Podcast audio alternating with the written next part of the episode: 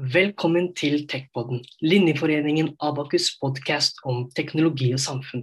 Her i Techpodden ønsker vi å se nærmere på aktuelle temaer innenfor data- og informasjonsteknologi. Vi hører hva representanter fra næringslivet har å si om disse, og kommer med noen av våre tanker om hva dette har å si for framtidens teknologer. Mitt navn er Mittunan Siwakumar og skal ta dere gjennom dagens episode der vi skal prate om impostersyndromet og prøve å knytte det her opp mot overgangen fra studentlivet til arbeidslivet. Og impostersyndromet det kan være ukjent for eh, mange eller noen. Og Derfor har jeg med meg to gjester i dag. Sarmilan Gunabala, utvikler i Beck Consulting, og Vegard Hellem, utvikler i Palantir Technologies, som skal hjelpe oss å finne litt mer ut om dette syndromet her. Og det som er ekstra spennende, er jo at de er relativt nyutdannet, så denne erfaringen av hvordan å være student jo, sitter jo relativt fersk i minnet. Jeg vet også at de sitter på mye god kunnskap. Jeg gleder meg til å høre på de dele deres erfaringer og kunnskap med oss. Velkommen skal dere være til den aller første episoden av Techpodden.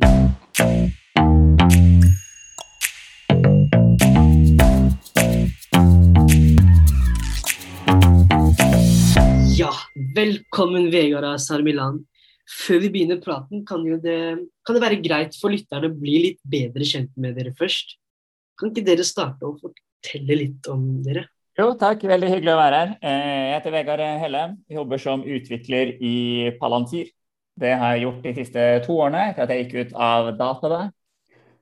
Var eh, veldig aktiv i fem år i Abakus. Uh, vært litt økonomiansvarlig. Var ble med å starte revyen tilbake i 2017.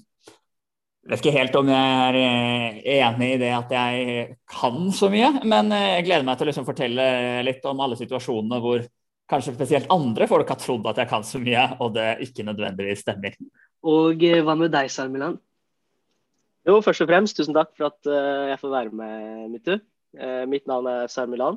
Jeg gikk ut av Comtec i fjor og har jobbet som utvikler i Beck gjennom studietiden så var jeg engasjert i Abakus, eh, da hovedsakelig i Bedcom, og etter hvert i backup. Eh, og gleder meg til å dele mine erfaringer og tanker gjennom et spennende tema vi skal prate om i dag. Yes, og det vi skal prate om i dag, det er jo imposter-syndrom. Hva er det egentlig? Eh, imposter-syndromet, det hadde ikke jeg hørt så veldig mye om eh, før jeg begynte å jobbe. Men eh, det er har jeg skjønt i ettertid, et uh, syndrom, et, gjerne et, uh, et, psykologisk fenomen som handler om at uh, man i visse settinger føler seg som en bedrager.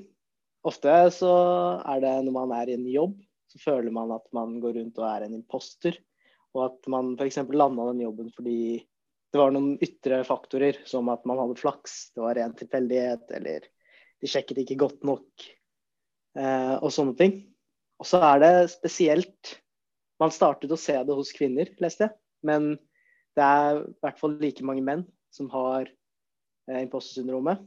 Eh, og det jeg og Vegard, når vi ble spurt om å ta denne episoden og komme med tips og triks og overgangen til, til arbeidsliv fra studentlivet, så tenkte vi at uh, impostersyndrom det er noe vi kanskje burde hørt om tidligere, tidligere og burde pratet om mye tidligere.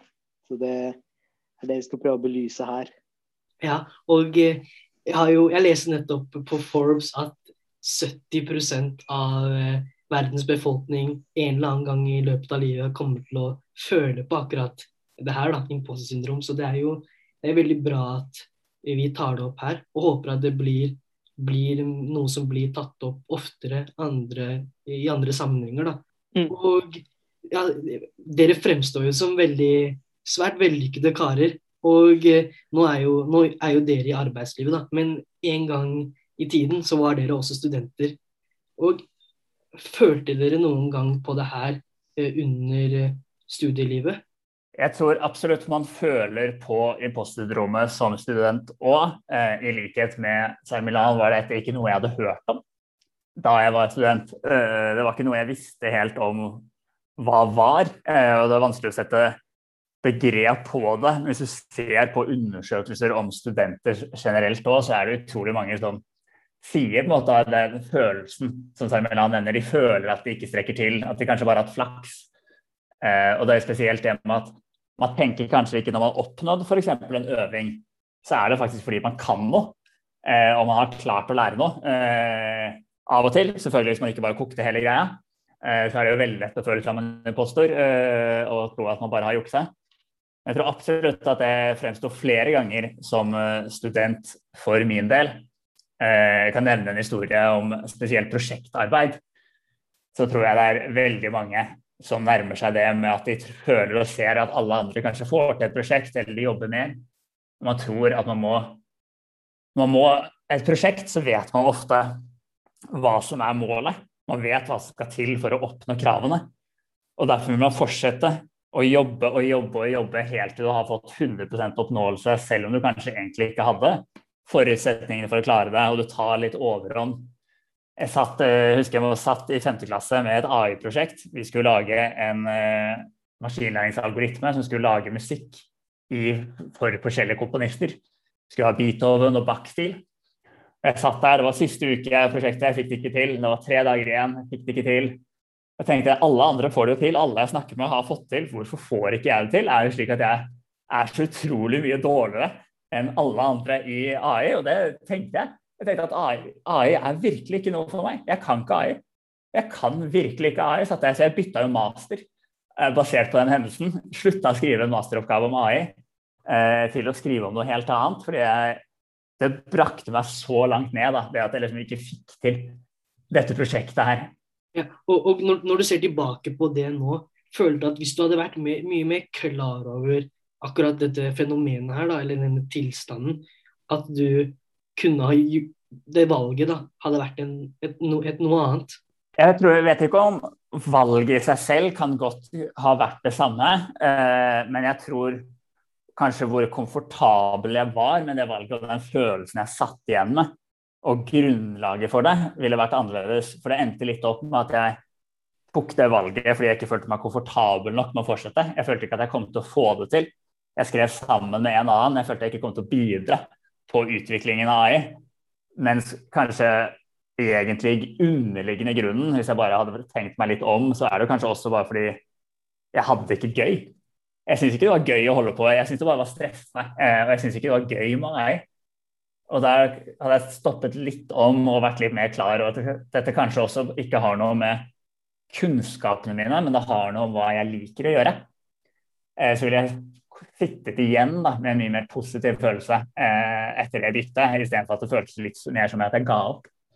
Ja, og du Sharmilan, kjenner du igjen, deg igjen i noen av eh, opplevelsene som Vegard her eh, skildrer? Altså, det, jeg syns det på en måte er litt betryggende å høre at Vegard også har opplevd det. For, for meg så har han vært liksom Java-guru, får til alt, har masse kapasitet. Så det at han også følte på det, kjente jeg var på en måte veldig betryggende og eh, litt slemt, men kanskje litt digg å høre. Um, men ja, jeg kjente vel veldig på den følelsen eh, da jeg fikk min første sommerjobb. For jeg var ganske tidlig ute i Comtec-klassen å få sommerjobb det året. Men samtidig så var ikke jeg den gluppeste og hadde ikke den med høyest snitt. Eh, jeg hadde tatt med meg en del verv. Og, og, da kjente jeg veldig på den følelsen at shit, fortjener jeg dette her, da? Her eh, sitter alle de som er flinkere enn meg og søker og styrer, mens jeg har, har signert sommerjobb. Og, og det husker jeg var en sykt ekkel følelse å sitte med. Da er det fort gjort å bare grave seg litt ned og tenke ja, det må ha vært flaks, jeg søkte jo tidlig, så det må være det. og men i ettertid så har jeg vel på en måte innsett at det bare var usikkerheten min som måtte prøvde å grave meg ned. Og impostersyndromet som slo til.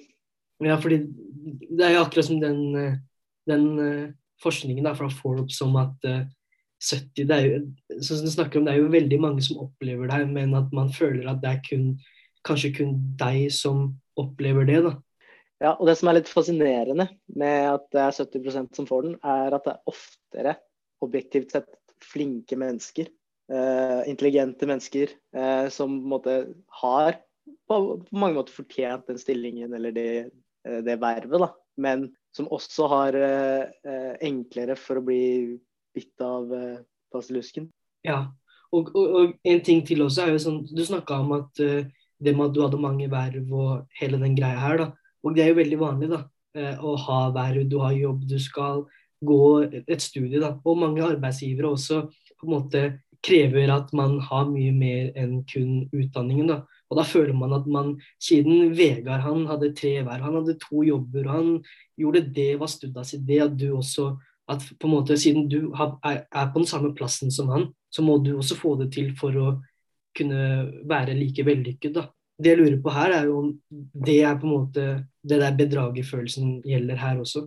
Mm, på en måte kanskje, men det, her handler det vel mer om at man eh, tar på seg litt mer enn man kanskje trenger, eller får litt eh, FOMO, altså fear of missing out. Man da graver seg litt ned i mye annet. Jeg vet ikke, Hadde du tre verv og to jobber og to studier, Vegard? Jeg hadde nok ikke to studier, jeg hadde nok mer enn nok eh, med det ene. Men jeg tror jo det at man ser på folk som har mange verv, eh, flere jobber, så tenker man kanskje oi, det er det jeg må også ha. Eh, men jeg tror jo ved å Jeg tror ikke nødvendigvis det her har så mye med impostersyndromet men man begynner å sammenligne seg selv veldig i settinger. Men jeg tror generelt som student så er det veldig lett å føle på det presset at du ser på folk som kanskje fremstår vellykkede eller ser ut som de gjør så utrolig mye. Men sannsynligvis vil det alltid gå på en bekostning av noe. Eh, selv de siste årene. Ja, jeg hadde to til tre jobber, eh, jeg hadde ganske mange hver. Men det gikk jo da på bekostning av det sosiale. Den eneste sosiale jeg deltok på eh, i to år på rad, var sosialkvelder. Eh, og ikke fordi jeg ikke liker sosialkvelder, det var organisert, men det var én, jeg hadde nesten ikke måte, tid til noe annet, og to, man begynte å bruke såpass mye tid på ting at du fikk deg ikke så mange gode venner. Som egentlig er mye av det studielivet handler om. Du er med på så mye at du rett og slett må planlegge rundt det organiserte. Det er måten du kan være sosial på. Det tror jeg på en måte er, eh, det er ikke så mye med impostersyndrom å gjøre, men det handler om et press på at man skal være med på mye, men som alltid vil gå på bekostning av noe. Da. Som jeg tror er greit å tenke seg om før man alltid tar på seg mm. noe eller bestemmer seg for å bruke tid på noe. Den eh, kjenner jeg veldig igjen. I hvert fall når det var fredag-lørdag og du, det var flere vors som, eh, som du skulle innom på en kveld. At du, liksom, du får fomo av at du Oi, nå er jeg på et vors, men nå jeg, burde jeg egentlig vært på et annet vors. Så ender opp med å ja, tråle mellom vors, da. At du kanskje bare burde Ja, ja nå tar jeg det vorset her. Prioritert bedre. Eh, og ikke la deg styre så mye av fomoen. Ja. ja. veldig, veldig interessant at uh, Interessant å høre om det. Og uh, nå har det seg sånn at uh, dere var studenter en gang, men nå så er dere jobb i, ute i næringslivet og løser problemer for eh, kunder og verden. Da. Og eh, da er det jo det er jo visse krav da, eh, arbeidsgivere stiller til dere. Og hvordan er det da med det her med impostersyndrom i arbeidslivet? Det er i aller høyeste grad til stede, og der tror jeg man tenker mer over det òg. Eh, å begynne i jobb, uansett hvor klar du føler deg. Eh, jeg følte at jeg på en måte hadde gjort mitt. Jeg hadde hatt tre sommerjobber tidligere. Jeg hadde gjort det bra og tilegnet meg den kunnskapen jeg følte jeg trenger på skolen, og så kommer du der. Starter på jobb, eh, du har kanskje litt introduksjon og alt mulig, men så får du din første oppgave. Og den dagen du får din første oppgave på jobb, jeg tror det er litt som den dagen du kommer hjem fra Åre i første klasse, og du skal begynne på første Java-øving. Og du sitter der og bare tenker her er det et eller annet jeg ikke har fått med meg. Her er det et eller annet som skorter. Jeg mangler totalt noe kunnskap for å begynne her på denne oppgaven. Og Slik var det også på jobb. at eh, Du sitter her, du har jo en eh, komfortsone som er der. Den ring hva du er komfortabel med, hva du kan. Så får du en oppgave som bare ligger kanskje, du føler at den ligger så langt utenfor den komfortsonen din. Du sitter og tenker her er det noe kunnskap som jeg mangler. Har, hva har jeg gjort de siste fem årene i studiet mitt? Hvorfor mangler jeg så mye informasjon? Eller vi hadde onboarding i to uker i jobben der jeg jobber. Og jeg tenkte sånn Var det et eller annet jeg ikke lærte meg der? Var jeg, var jeg borte en dag? Uh, fordi dette her kan jeg jo ikke. Jeg aner ikke hva jeg skal til. Mens du ser rundt deg, du ser uh, alle andre kanskje setter i gang med hva de gjør og holder på å programmere et eller annet, så sitter du bare igjen og bare Oi, jeg er ikke forberedt. Og da tror jeg Da skal jeg ønske kanskje at jeg liksom hadde hørt om imposter litt før og bare visste at dette her opplever alle. Dette er starten eh, til alle som starter i jobb, egentlig. Jeg vet ikke om du følte litt på samme måte, Sarmilan? Jo da, det gjorde jeg. Da jeg begynte som utvikler, og så kom jeg fra Comtec sitter her med disse datafolka som har hatt PU og MMI og alt det der, og jeg har hatt sikkerhet og skal begynne som utvikler, da kjente jeg på da kjente jeg på imposter-syndromet. Men um, når vi starta, så hadde de et foredrag om imposter-syndrom. Og det måtte åpne opp og prate om de usikkerhetene man har, eh, og på en måte få aksept på at det kanskje ikke er tilfellet og også se at andre, som du starter med, har eh, samme følelsen. Så den eh, hjalp veldig.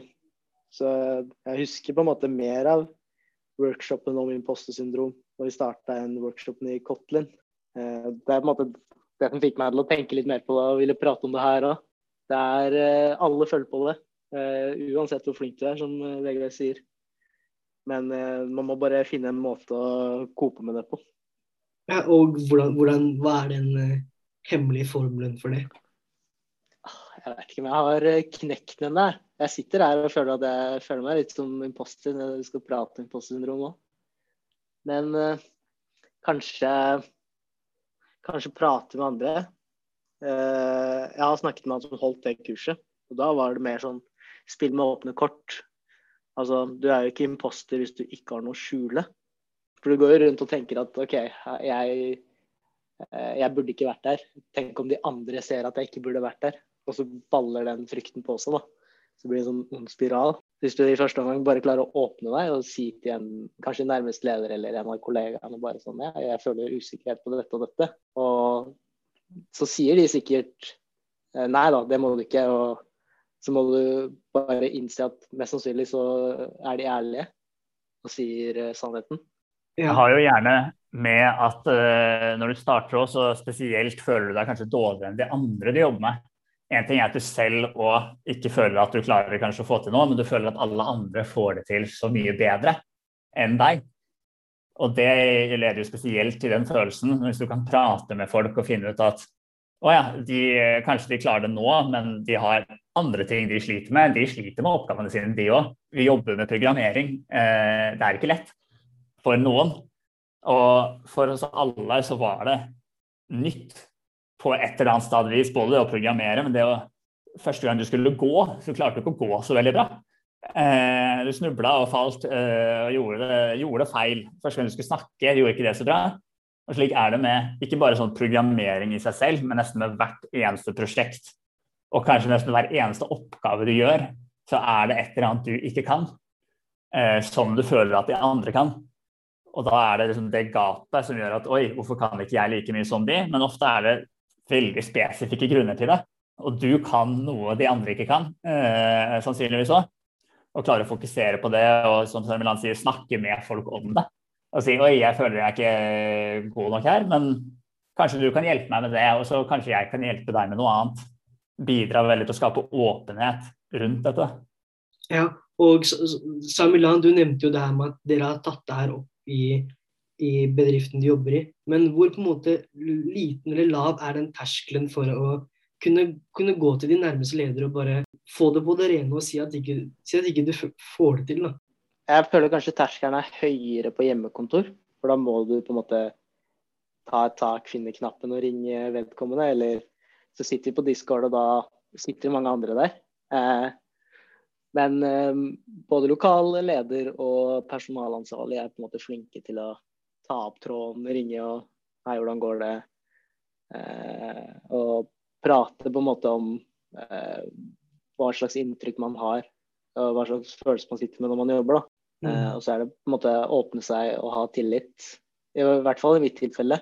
Eh, og så er, vi, er, det bare meg og én utvikler til på, time, eller på prosjektet vi sitter. Så vi på en måte er veldig åpne med hverandre og eh, spør hverandre om feedback. Og jeg, jeg, kan på en måte si sånn nå, nå er jeg litt usikker på at, hva tenker du Nå følte jeg at det kom med en veldig dårlig PR, og så er han kanskje litt mer trøstende eller bare sånn Nei, nei, dette er bra. Jeg liker at du gjorde det sånn. Så må man bare anerkjenne at den rosen, den, det, er, det er en god ros. Det trenger man.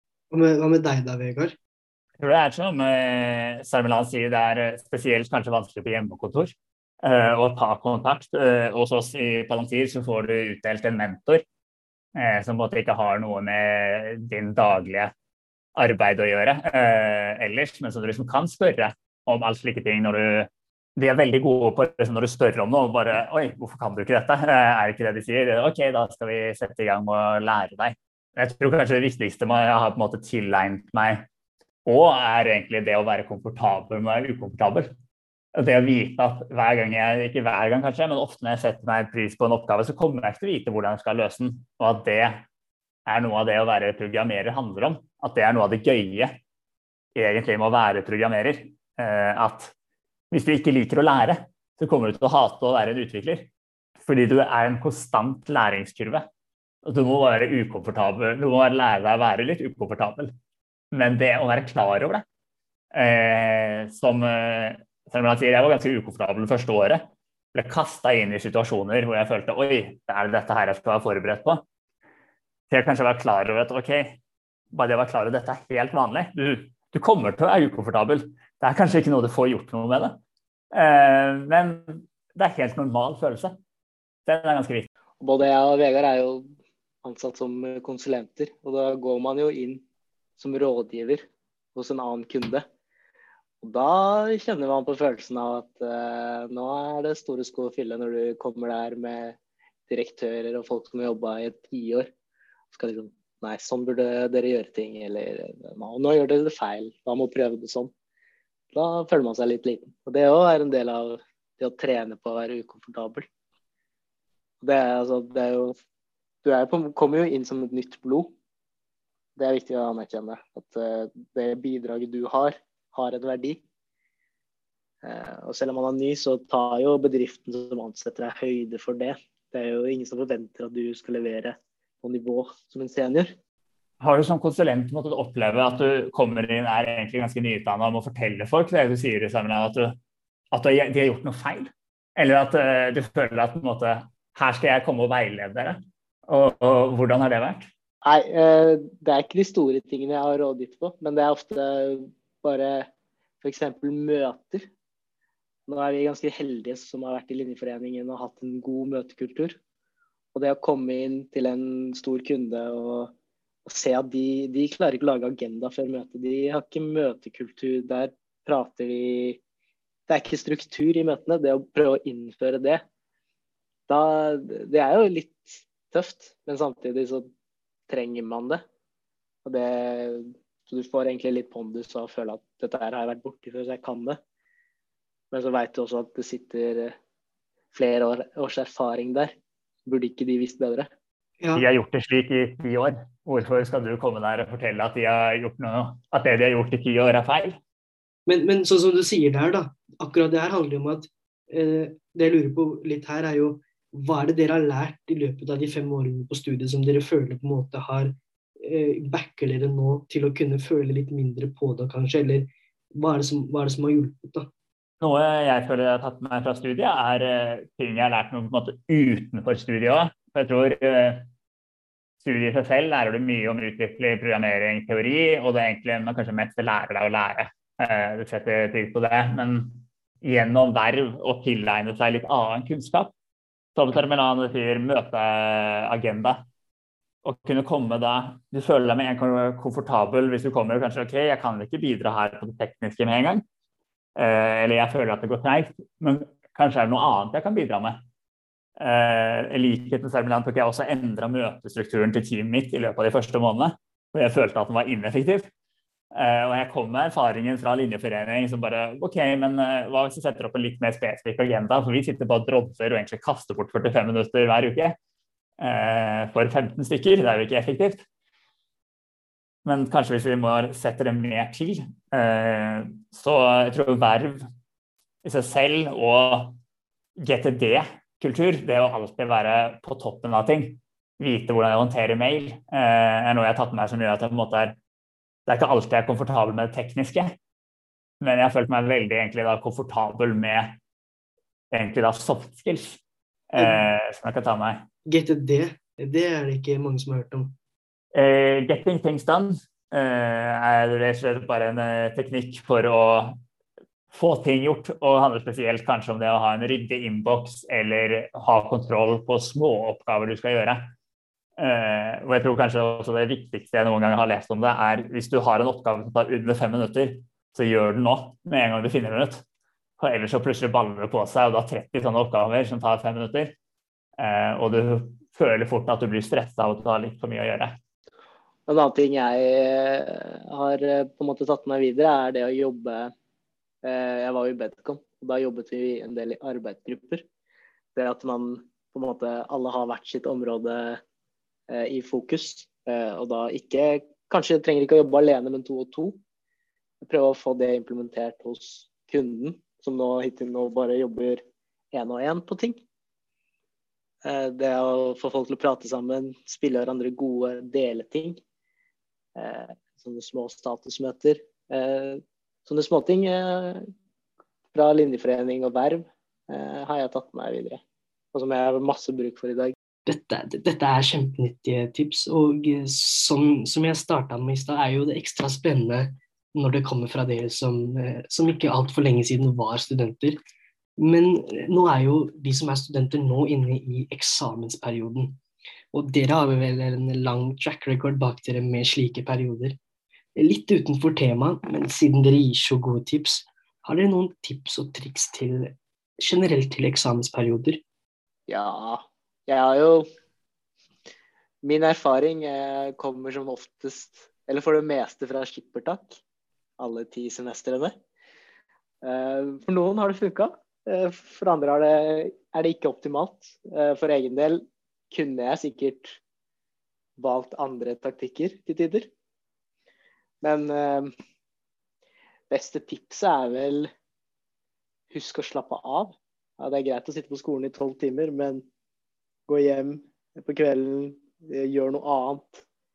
Og hvis man får vært litt mer effektivt, så kom dere ut, gjør noe sosialt. Eh, det finnes et liv utenom uh, eksamensperiode òg. Som benytter av uh, det gode været og ja. Ikke bare tenk eksamen, ikke stress absolutt enig med Sarmiland der. Jeg tror jo når jeg får jeg sier ett tips som ikke bare er eksamensperioden, men sånn generelt, og, eller ting jeg skulle gjort annerledes fra studiet, så er det nesten at jeg brukte Dette er helt forferdelig å si, for jeg har jo en 20% stilling som lektor ved NTNU òg, men bruk litt mindre tid på studiet. Her er egentlig liksom tipset jeg tror mange mange har godt av å kanskje bruke litt mer tid før eksamensperioden, men de aller fleste har også godt av å bruke mindre tid i eksamensperioden som Tormeland sier, du må slappe litt av.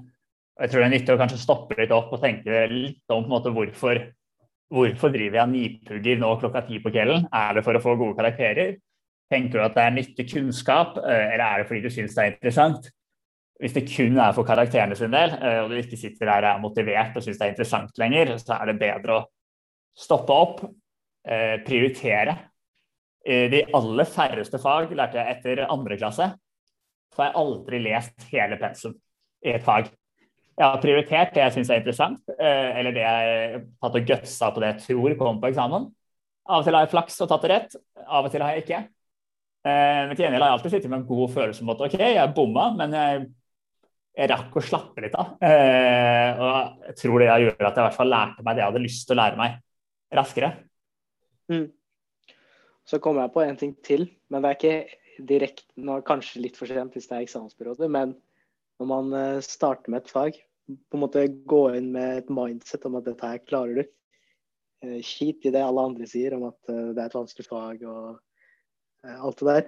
Når, hver gang jeg liksom hadde et mindset om at det faget her virker spennende, det her har jeg lyst til å lære, dette her klarer jeg, så gikk det ganske bra, som oftest. Bare mindset er veldig viktig. Både før eksamensperioden og gjennom eksamensperioden. Det tror jeg handler mye om hvordan du snakker med folk òg. Hvis du går rundt i gangene på A3 før eksamensperioden, så er det du hører mye sprettsnakk. Det er utrolig mye negativ prat i gangene. Med sånn 'Å, dette faget er så vanskelig, jeg klarer ikke å lære meg det'. Jeg tror på en måte Hvis jeg skulle sagt én ting mer, så er det fokusere på det positive òg. Bli enige om Ha ei venninne eller venn som snakker med hver gang. Skal dere si liksom, tre positive ting som skjedde i dag, eller eh, snakk litt om hva dere har lært dere, og ikke alt hva du skal lære deg i morgen. Sats på en måte få et positivt mindset, som selv om han sier at dette her går bra. Eh, du lærer deg ikke alt, men tenk så utrolig mye du faktisk lærte deg på så utrolig kort tid i det skippertaket som er eksamensperioden. Dere, ja, dere sier noe der. Syns, jeg syns det er sykt kult å sitte og høre på dere reflektere over deres studietid og hvordan dere ville gjort eh, ting annerledes. Og det jeg faktisk det jeg håper på nå, er jo at lytterne og oss vi kommer til å ta med det her videre og implementere det. Da. Hvordan kan vi bruke det dere har delt med oss, og ta det, ta det med oss inn i vår eh, studiehverdag? Ja, så vi må jo også prøve å lande litt på den uh, og uh, denne talken her også. Og da lurer jeg bare på om dere har noen avsluttende tanker om, om det vi har pratet om i dag. Først og fremst håper jeg, vi, håper jeg det hjalp å prate om det. At jeg veit at det finnes en, en, sånn følelse, og at sykt mange føler på det. og så er det beste tipset vi kanskje kommer med, er vel være åpne om det, prate med andre, ha tillit til at det andre gir deg av feedback, er ærlig. Så hjelper det kanskje å tenke at uh, det er mange, mange andre som også føler på det samme. For, uh, som jeg sier, å bare kjenne igjen følelsen. Vite kanskje dette jeg føler på nå, følelsen av ikke jeg er god nok, er så normalt. Eh, å vite at jeg blir kanskje ikke kvitt den, jeg kan prøve å snakke litt, men jeg kan normalisere det jeg kan bli komfortabel med denne følelsen av, eh, av det, det. Og det at den kommer i den kommer i så mange former. Den kommer når du skal gjøre en øving, den kommer i eksamensperioden. Eh, en av gangene jeg føler aller mest på det, er når jeg skal lage mat. Kan ikke lage mat. Eh, og jeg står der og kanskje ser, leser en kokkebok, så står det eh, 'kutt opp avokado', men kanskje ikke jeg kan kutte avokado. Eh, og da er det sånn, jeg føler jo sånn Du føler deg dum. Eh, men tenker du ok, det er, ikke, det er ikke kunnskap jeg sitter på. Eh, og den var jeg komfortabel med. At, men kanskje det er på tide nå i dag å gjøre en innsats for å lære seg det. Ja. ja. Og de som skal ut i arbeid eller sommerjobb, på en måte ikke stress. Eh, dere lærer det dere ikke kan. Og de fleste, om ikke alle bedriftene, har et eller annet, en eller annen mekanisme for å hjelpe deg. da. Så nyt sommerferien og, og mellom eksamensperioden til å slappe av og ikke stresse over at man har fått en jobb man kanskje ikke fortjener. For man har mest sannsynlig fortjent den jobben. Og har, du en, og har du en sommerjobb da, så tenk at målet med den sommerjobben er ikke hva du skal gjøre med den, det er hvor mye du skal lære i løpet av de ukene. Eh, og ja, første sommerjobb hvor utrolig mye man lærer, eh, er rett og slett utrolig interessant å se. Eh, og selv om du føler at du da har lært mye, så vil det samme skje når du er nyutdanna og går ut i jobb. At du vil kunne så utrolig mye mer etter åtte uker i jobb enn da du starta. Men det stopper ikke. Du vil kunne utrolig mye mer etter ett år, to år. Og i det yrket vi er i, så vil du kunne utrolig mye mer etter fem og ti år òg. Ja, man skal aldri stoppe å lære. Jeg syns det var en veldig fin wrap-up av en eh, veldig innholdsrik og jeg har, jeg har kost meg med å sitte og høre på, høre på, dere reflektere. Og eh, jo, tusen takk til både deg, Vegard, og Samilan for å bli med. Jeg er enig. Eh, tusen takk, Mitte eh, for at jeg fikk eh, lov til å komme. Eh, kult engasjement med en podkast. Eh, det tror jeg Abakus kan dra veldig mye nytte av. Enig. Tusen takk for at jeg fikk lov å være her. Det var utrolig hyggelig å bli spurt om å få lov å komme og snakke litt. Og håper at mange hører på og syns det er nyttig, og at det blir mange kule episoder framover òg. Yes, det satser vi på. Og med det så sier jeg tusen takk til dere lyttere som har blitt med oss mot slutten av den første episoden av Techpoden. Tune inn neste fredag for en ny episode.